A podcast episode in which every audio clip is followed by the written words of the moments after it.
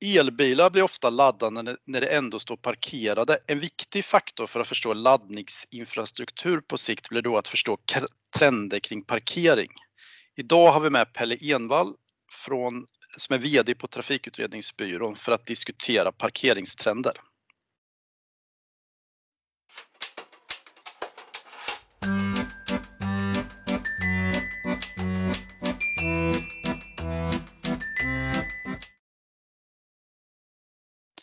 Pelle, hur många parkeringsplatser har en bil i medel i Sverige?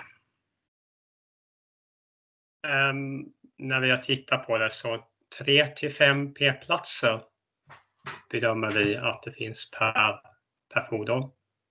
Ja, det är ju ganska många. Alltså. Eh, kan du berätta lite om Sveriges parkeringshistoria? Hur kunde det bli så här många och när skedde den största tillväxten? Ja, egentligen är det ju svårt att veta när den stora tillväxten skedde eftersom vi har väldigt dåliga data om, om, om parkeringsutbudet i, i Sverige generellt.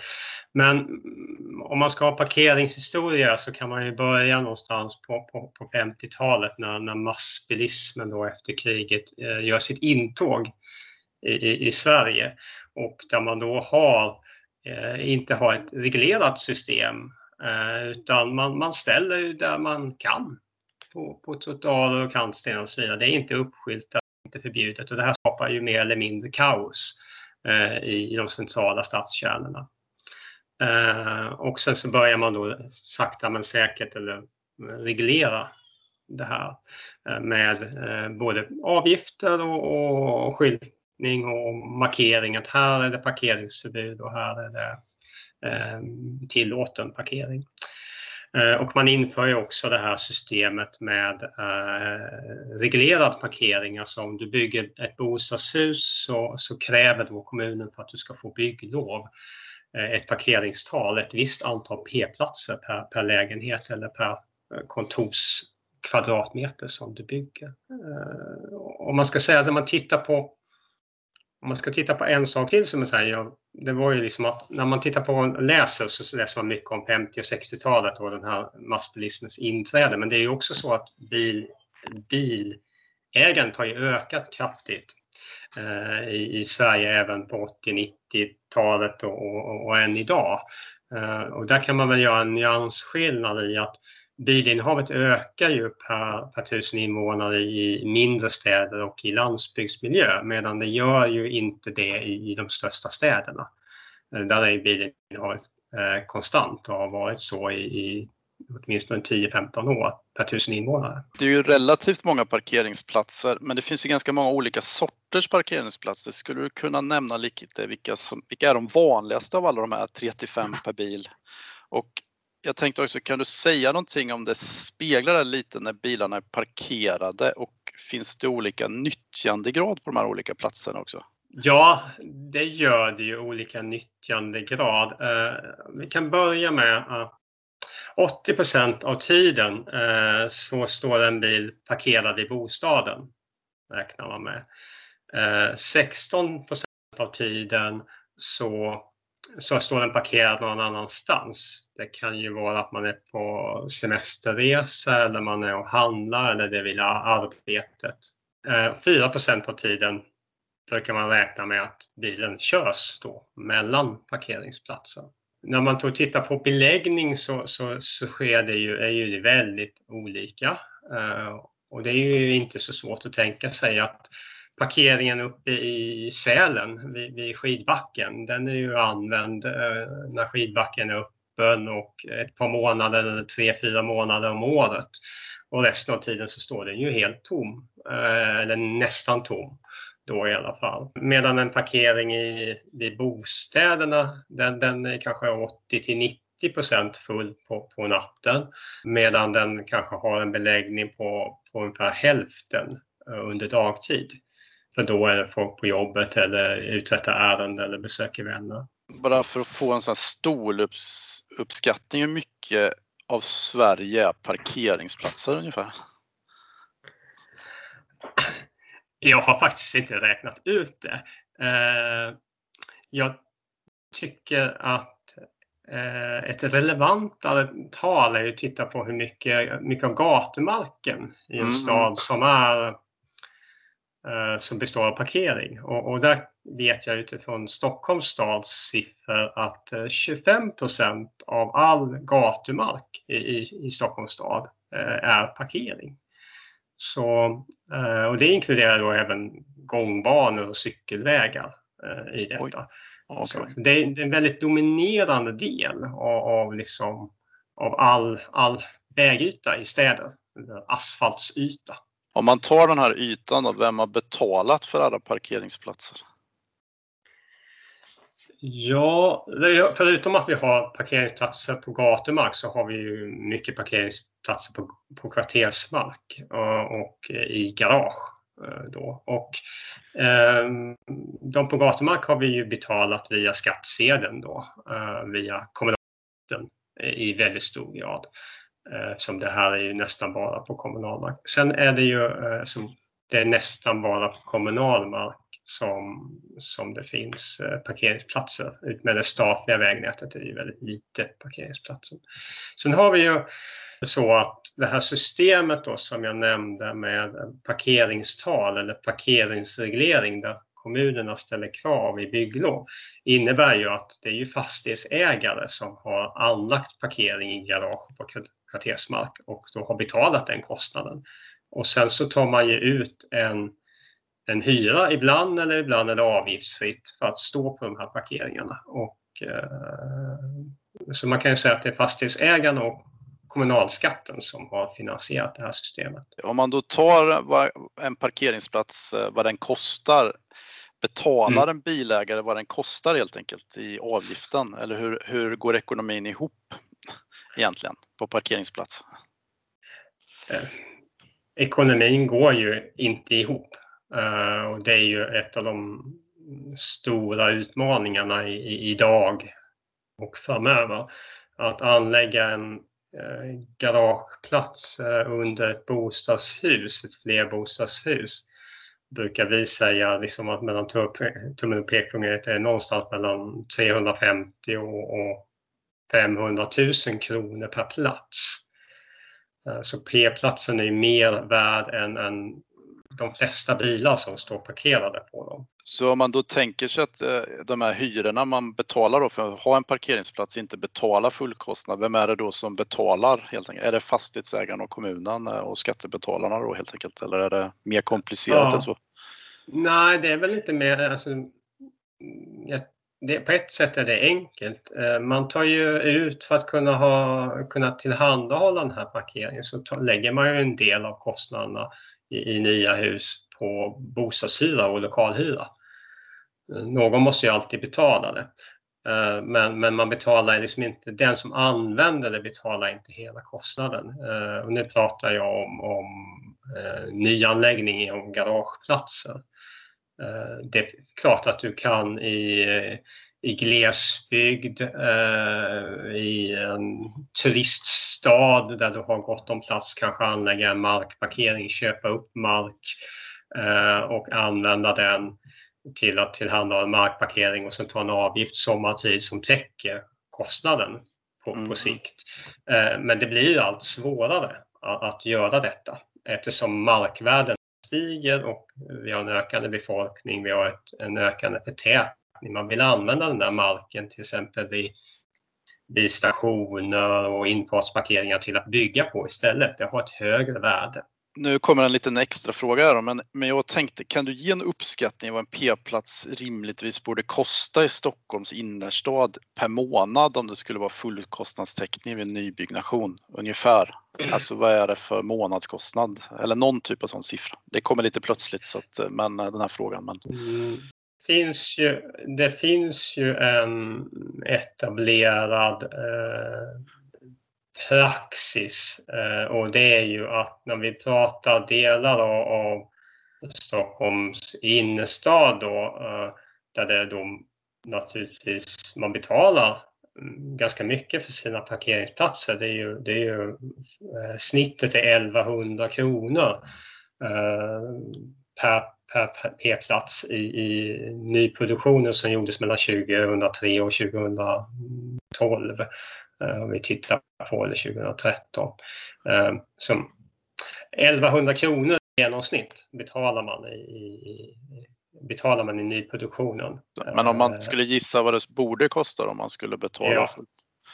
Och då säger då de aktörer som, som finns inom det här området att om, man, om byggaktören, eh, fastighetsägaren, betalar 100 000 kronor till oss per p-plats så, ska, så kan vi i, i många fall tillhandahålla eh, parkering och sen ta ut resten genom avgifter och få en, mm. en, en affär. Så varje ny plats eh, är, är, ett sätt att se det är att varje ny plats är subventionerad med 100 000 kronor. Jag tänkte, du har redan pratat lite om det här med p-tal då, som det är en mm. diskussion i Sverige vad som är lämpliga p-tal. Skulle du kunna berätta lite vad p-tals praxis i Sverige får för konsekvenser för bostadsbyggande och användning av yta och mobilitet? Ur ditt sätt att se det. Ja, eh, p-talet innebär ju att det är innebär ju att man eh, ofta ska ta höjd för ett, ett ökat eh, bilägande. Eh, medan då bilägandet i de stora städerna har varit konstant, vilket innebär då att man bygger in ett överutbud av parkering i, i många fall, vilket då innebär att det blir väldigt svårt att ta betalt för, för de platserna som finns, för då kan man ju hitta parkering någon annanstans som är billigare så blir det en negativ spiral. Eh, så konsekvensen av detta är ju att det försvårar bostadsbyggande och eh, gör bostadshyror eh, dyrare för alla. Så det finns en siffra från Uppsala där de har räknat ut i allmännyttan att, att ungefär 1000 kronor extra läggs på bostadshyran av de här parkeringskostnaderna. Vilket då innebär att den som inte äger bil, vilket hälften av hushållen som bor i flerbostadshus inte gör, betalar då 1000 kronor i det fallet eh, extra per månad för något de inte använder. Visst, det finns ju en debatt runt parkering och p-tal i Sverige. Hur går den och vart är liksom utvecklingen på väg runt p-tal i de flesta större städer i Sverige? Det är en ganska polariserad debatt kan jag tycka i, i, ibland. Eh, det finns då företrädare eh, kopplade till, till bilindustrin och eh, det finns företrädare från bilindustrin och för bilorganisationer som menar att det rimliga är att ha en p-plats, att kommunen ska ställa krav på en p-plats per lägenhet då, jämfört med att uh, ungefär hälften av de um, hushållen äger bil idag. Uh, så för att ta höjd för ett ökat bilinnehav. Och så finns det andra som menar att vi skulle, borde inte bygga några parkeringsplatser alls. Uh, så har det ju varit kanske nästan tio år. Det som Trafikutredningsbyrån tillsammans med, med KTH i ett forskningsuppdrag och Trafikverket liksom gav som råd, det var ju att vi måste öppna upp den här processen och göra fastighetsspecifika bedömningar. Vi ska inte säga hur, i förväg vad parkeringstalet ska vara eller hur parkering ska hanteras, utan vi måste titta från fall till fall. Eh, är efterfrågan på parkering stor? Finns det en betalningsvilja? Är den inte det? Eh, kan man ehm, erbjuda ett boende här med, med tillgång till mobilitet som tjänst, en, en elbilspool till exempel, eh, och få det här att fungera eh, på ett bra sätt eh, mm, istället. Så att debatten är ganska polariserad och eh, det finns en forskning som säger att eh, titta, utreda här som vi utreder många andra frågor i samhällsbyggandet platsspecifikt. Men är det en ökande trend då med det här med, jag vet inte om man ska använda begreppet flexibla p-tal, alltså att eh, alltså bli situationsspecifikt. Det antar per bygglov då helt enkelt vid ny, nybyggnation att man formulerar ett p-tal eller är det så det är tänkt? Ja, eller? ja det här är Både detaljplanen och bygglovet är ju involverade i detta och, och man ja. behöver också civilrättsliga avtal på grund av hur lagstiftningen ser ut idag. Men Vad var växt... frågan? Mm. Ja, ja, precis. Jag Men jag menar om det är en växande trend att städer tar till sig det här och att man ja. gör separata bygglov eller separata detaljplaner, att man är flexibel med p-talet beroende på av betalningsvilja och allt det du räknade upp. Ja, vi gjorde en studie Eh, och tittade på de 16 största eller medel, 16 medelstora kommuner. Och eh, där ser vi att 15 av dem har implementerat någon typ av flexibla parkeringstal. Eh, men om man tittar på vad forskningen rekommenderar och hur kommunerna har skrivit sina riktlinjer för flexibla parkeringstal så är de fortfarande för rigida. De är inte tillräckligt öppna för att situationsanpassas. Eh, och man har inte med eh, pris eh, på, på parkering i närområdet som en faktor i när man bedömer hur, hur man ska lösa parkeringen i mm. husen, vilket man ska ha enligt forskningen. Det är egentligen den tunga kritiken mot eh, 60-talets parkeringsnormer och parkeringstal. Mm, så det finns förbättringsmöjligheter. Mm. Min, min känsla, jag jobbar ju inte med detta dagligdags då direkt, men, men att ofta så använder städer parkering som ett styrmedel för att uppnå eh, förändringar de vill ha i mobilitet eller transportmönster och så också. Och eh, jag vet inte om du delar den synen eller, eller överdriver jag det? Alltså jag har inte varit, jobbat i detta. Så jag hör också det. Men, men, men är det så att de gör det och, och eh, hur Tycker du att det är viktigt att de jobbar med parkering som styrmedel? är egentligen min fråga. Alltså kommuner har ju sedan, jag tror 2020 egentligen, eh, men framförallt sedan 50-talet jobbat med, med olika typer av reglering och styrmedel i pris och hur länge man får stå parkerad och vem som får stå parkerad var. Um, styrt um, parkeringen och det måste man naturligtvis göra för att få ett fungerande system. Det vet vi också utifrån från när, när det här var oreglerat på 50-talet att det, det, liksom, det funkade väldigt dåligt och det drabbade trafiksäkerheten och framkomligheten. Både för busstrafik och för, för andra bilister. Det som jag tänker på när du säger detta det är ju att man nu eh, finns en stor diskussion om att använda parkeringshanteringen eh, för att styra mot egentligen klimatmål. Perso personligen är jag lite kluven till det där, men jag sitter också och samarbetar med, med många forskare som, som eh, också har en betydligt mer positiv syn på att, att använda eh, parkeringsområdet för att styra mot klimatmål.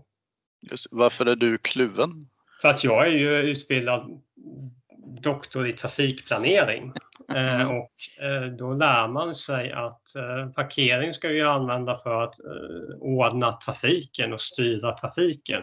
Nu introducerar man ett, ett nytt mål och risken med det är ju att, att man inte eh, att man styr mot det här klimatmålet men, men eh, men människornas beteende eh, följer liksom inte efter. Mm. Man, man, man, styr på ett sätt som inte fungerar i praktiken.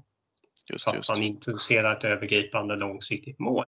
Vi har en väldigt rolig diskussion om det här med eh, parkering och eh, som en klimatåtgärd i, i våra arbetsgrupper hoppa lite där med styrmedel. Ett sätt att jobba med styrmedel, eller styrmedel, men det är ju mer när man ska göra olika åtgärder i transportsystemet är ju att eh, till exempelvis Trafikverket gör samhällsekonomiska kalkyler på konsekvenser av olika vägbyggen eller olika tunnelbyggen eller vad det nu kan vara för infrastruktursfrågor. Mm.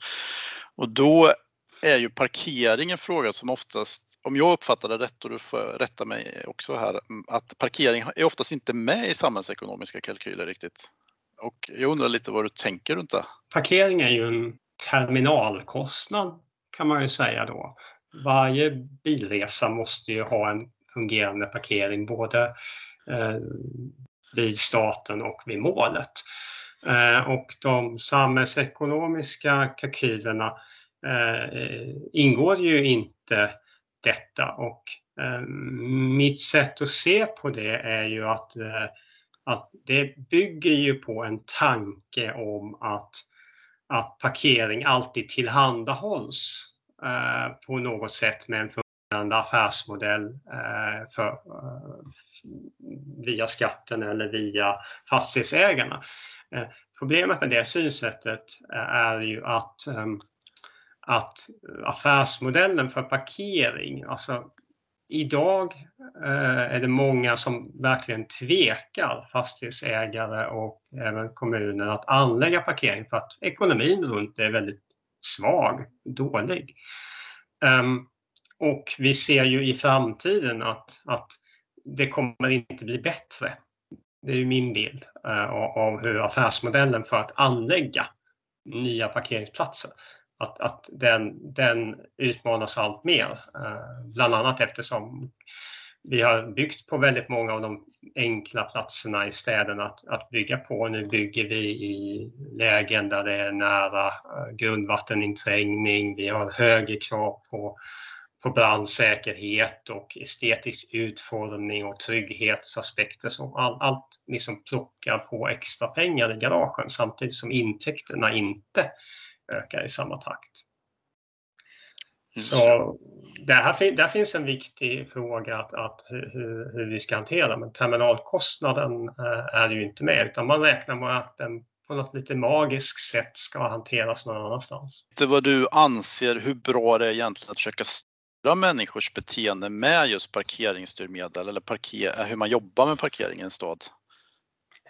Ja, på ett sätt är det ju helt nödvändigt. Eh, ett exempel. Ehm, det är ju om du har en livsmedelsbutik som för sin verksamhet riktar sig in sig till kunder både som bor nära och kunder som bor en bit bort i villa och, och, och har svårt att konka kassa på kollektivtrafiken eller kommer inte att göra det. Eh, så om du gör parkeringen gratis utanför butiken så kommer den ju användas som, som parkering för de boende som bor i närheten. Där kan jag ställa min bil gratis. Eh, så det är ju helt nödvändigt att, att reglera och styra parkeringen på det hur man vill att den ska användas. Att vi ska titta lite framåt då. Mm. Man, hur, hur, ser du på, hur kommer parkeringssituationen eh, troligtvis se ut i Sverige i framtiden? Jag är ju orolig på grund av att det finns ingen affärsmodell där det är runt parkering idag. Det finns inget sätt att tjäna pengar på parkering eh, idag. Eh, när man pratar om nyanläggning av parkeringsplatser, i, framförallt i, på bostadssidan.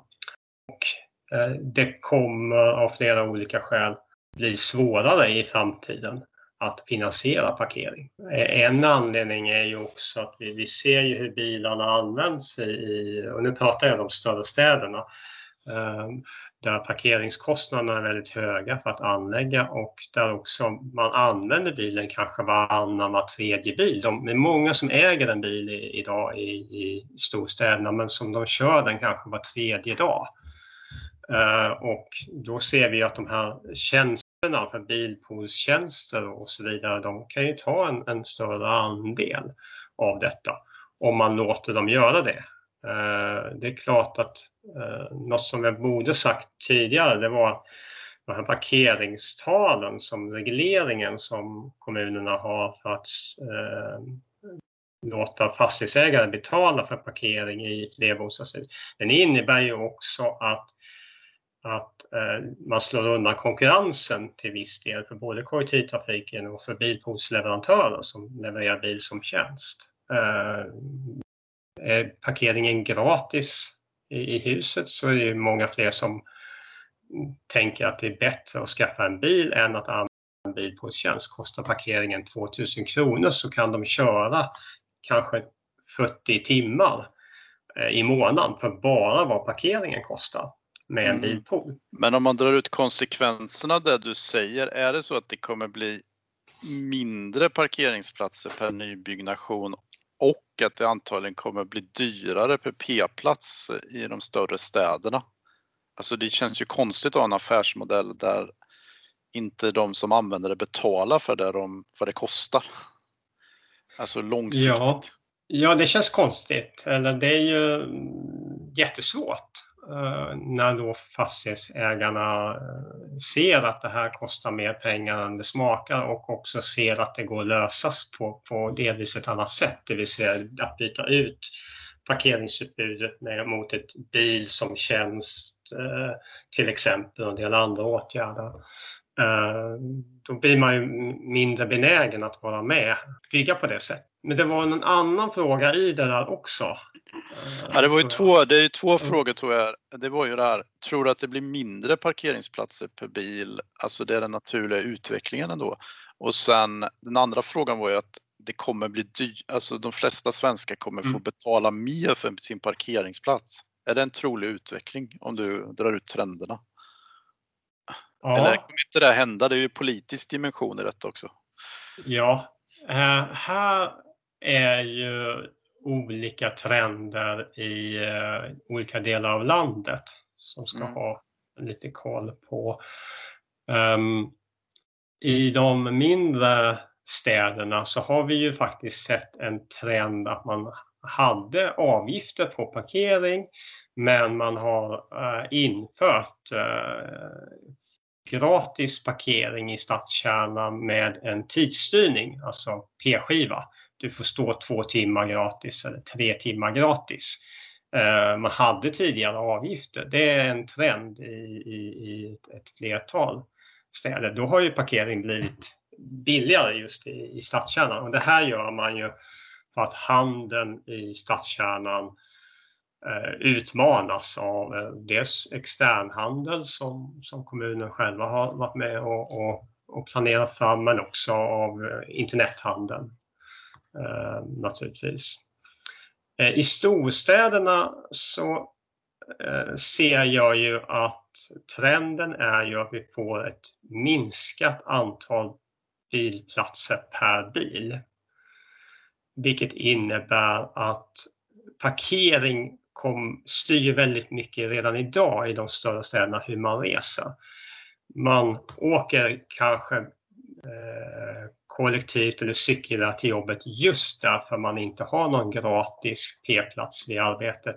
Eh, det kostar för mycket eller det, man vet att det är väldigt svårt att få tag i en p-plats på, på nedre Norrmalm.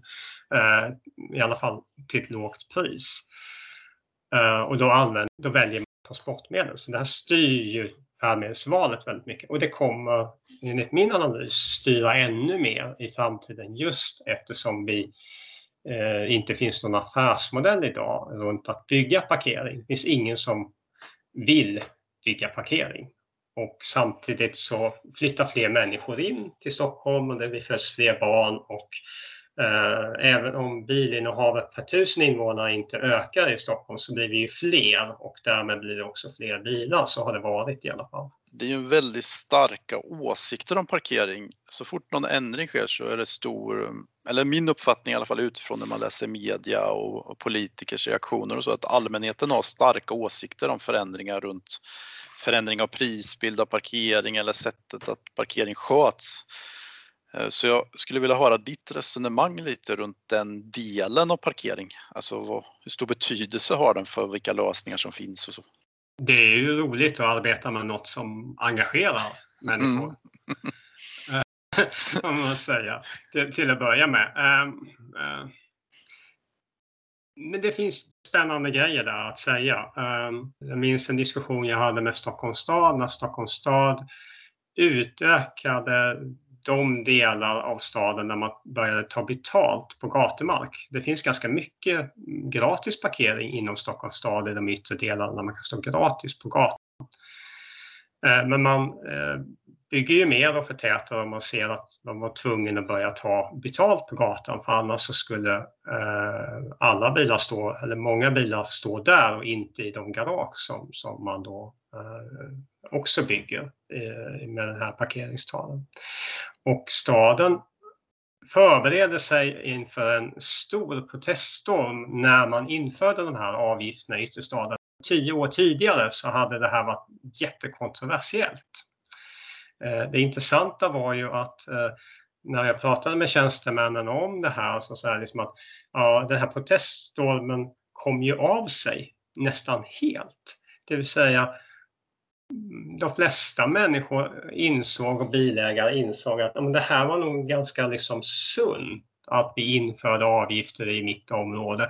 Det var väldigt svårt att hitta parkering på, på gatan. Man fick snurra runt. Visst, vi får betala för det, men, men rätt infört så är det ganska naturligt att man måste betala för sig.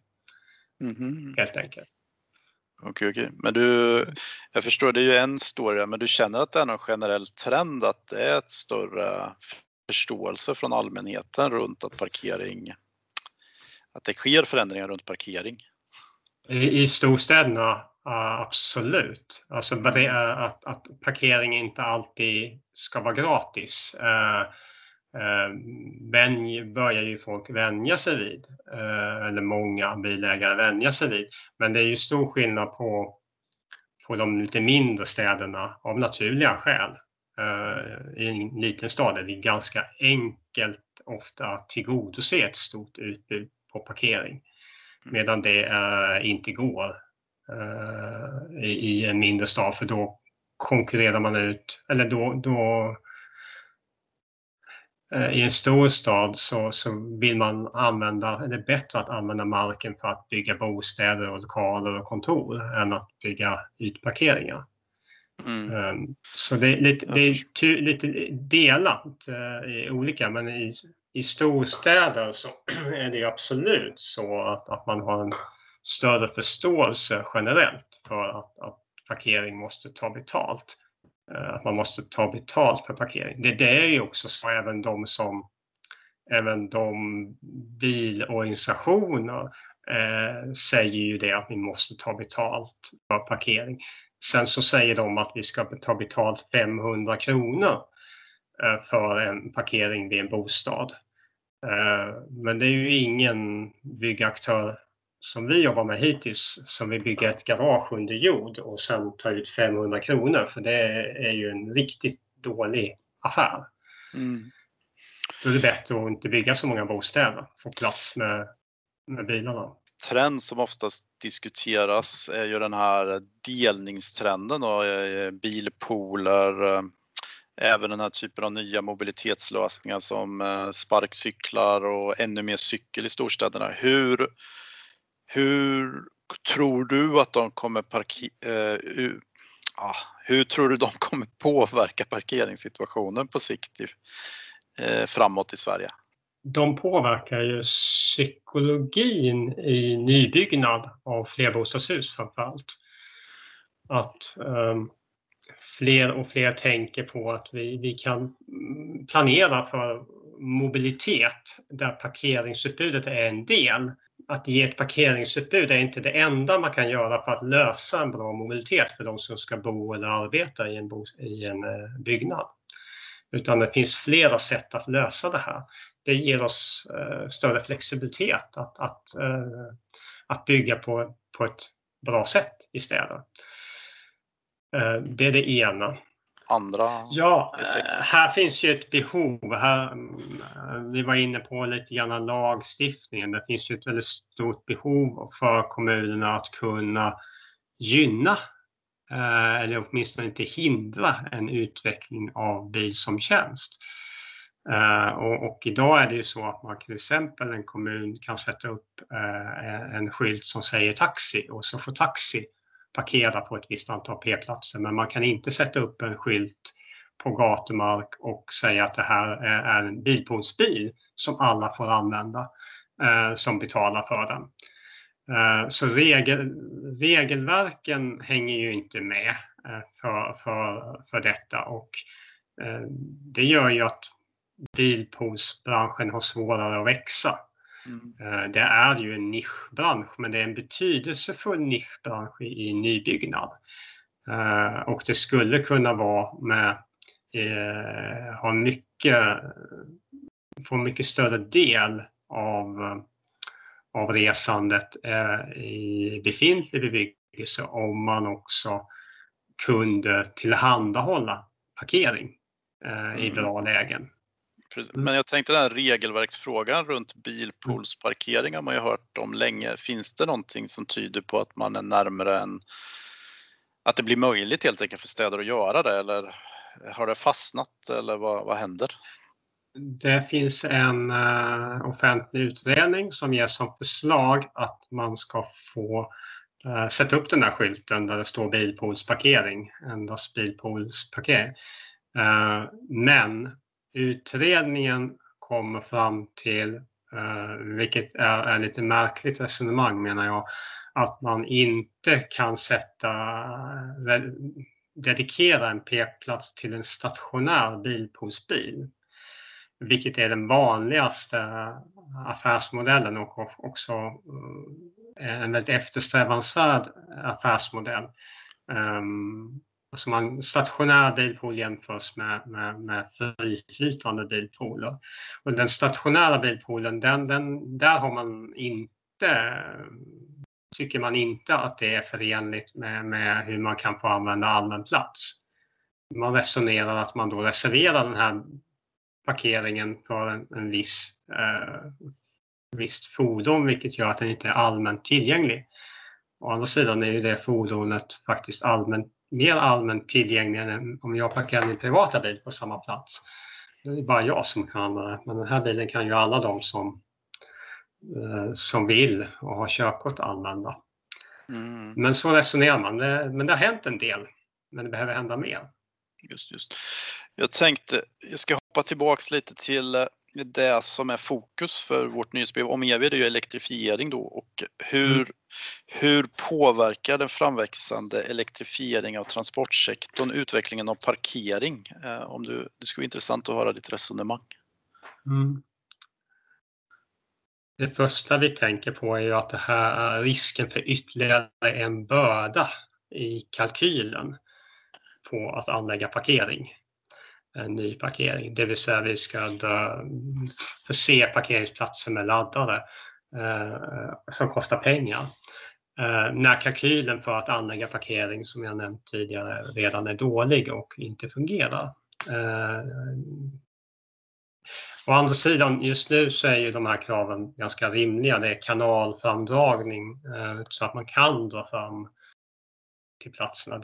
Det är en jättestor ekonomisk fråga i nybygge. Mm. Eh, det andra i det här eh, är ju att vi, eh, våra kunder, fastighetsägare, liksom vi på Trafikutredningsbyrån undrar ju liksom om det vi bygger idag i laddare, är det det som kommer man vilja ha från bilindustrin om fem år eller ska det vara en helt annan typ av, av laddare teknik och man ska då byta ut det här igen? Eh, det blir ju väldigt, risken är ju att det blir väldigt olönsamt. Eh, stora ominvesteringar. Eh, mm. Samtidigt som man, jag känner till ett, ett fall där man nu har byggt sådana här parkeringsladdplatser eh, och man försöker ta lite mer betalt för dem men de står ju tomma. För det är ingen som är beredd att betala för det. Mm. mm. Det vi ska lämna lite Sverige då och gå ut och titta lite på omvärlden. Är det något, eh, några länder eller städer utanför Sverige som har speciellt intressanta lösningar kring parkering som du tycker är värt att titta på helt enkelt? Som, kanske som exempel för Sverige eller vart vi är på väg eller så? Ja, vi, vi tittar ju både på Europa och USA. Um, USA är ju väldigt spännande eh, och där vill jag lyfta fram San Francisco där man har alltså en dynamisk prissättning av P-avgifterna på, på gatumark. Eh, och det innebär att man på gator där det är väldigt hög beläggning tidvis så höjer man P-priserna för att få folk att parkera på andra gator i närheten där det finns lediga platser. Och det här gör man ju då för att folk inte ska Eh, som de som är beredda att betala inte ska behöva åka runt och leta efter parkering och då öka, ge det som kallas söktrafik, mer biltrafik helt enkelt. Eh, väldigt väl fungerande system, kräver en del investeringar naturligtvis och diskussionen är ju tål det snö, ett sånt här system i, i Sverige. Men eh, San Francisco dynamisk prissättning ett annat eh, bra exempel som jag brukar ta det är ju hur vi bättre kan hantera mm, affärsmodellen för parkering i flerbostadshus. Eh, och det är modeller som finns i flera länder. Titta på Finland, det vill säga när du köper din bostadsrätt eh, om du köper det så får du också frågan, jaha, men hur, hur reser du? Och så, ja, jag har bil, säger någon då. Så, ja, då kan du köpa en parkeringsplats i, i fastigheten och då får du helt enkelt köpa den parkeringsplatsen separat. Eh, och sen när du, om du inte vill ha bil längre om ett par år för att du inte behöver det eller du, så, då kan du sälja den här parkeringsplatsen igen på en öppen marknad. Eh, det är ju också en väldigt, eh, om man ska titta på två saker utomlands eh, så tycker jag, ska jag nämna två saker så vill jag nämna dem. Det just, finns just, mer. Finns. Mm. Jag tänkte lite som en avslutande fråga då, så tänkte jag att du kunde få gissa då hur, hur många parkeringsplatser har en bil om tio år i Sverige? Idag räknar jag med att en bil har mellan 3 till 5 p-platser. Vi har alltså väldigt dåliga data på, mm. på hur, hur parkeringsutbudet ser ut i, i, Sverige. Vi har modeller som visar hur många sekunder man äh, trängsel eller hur trängseln ser ut om 20 år på Essingeleden men, men vi vet inte särskilt mycket om, om, om, om parkering. Min bild är att vi kommer ha färre p-platser per bil framöver. Det vill säga parkering kommer bli mer styrande för hur vi reser. Och eh, det baserar jag på helt enkelt att vi inte har någon fungerande affärsmodell för att anlägga parkering i byggnad samtidigt då som bil ägandet på många platser ökar eller antalet bilar blir fler för att vi blir fler människor och samtidigt som bilnätet eller vägarna byggs ut vilket gör bilen till eh, ett attraktivare val än, än att använda andra färdmedel. Ja men superbra. Tack Pelle för det här. Tack så jättemycket för att du var med helt enkelt. Tack själv. Eh, ni har lyssnat på en podd från nyhetsbrevet om EV som är helt finansierad av Energimyndigheten och värdar Swedish Electromobility Center och mitt namn är Magnus Karlström och musiken jag lyssnat på kommer från bandet Vintergatan. Och tack för att ni har lyssnat.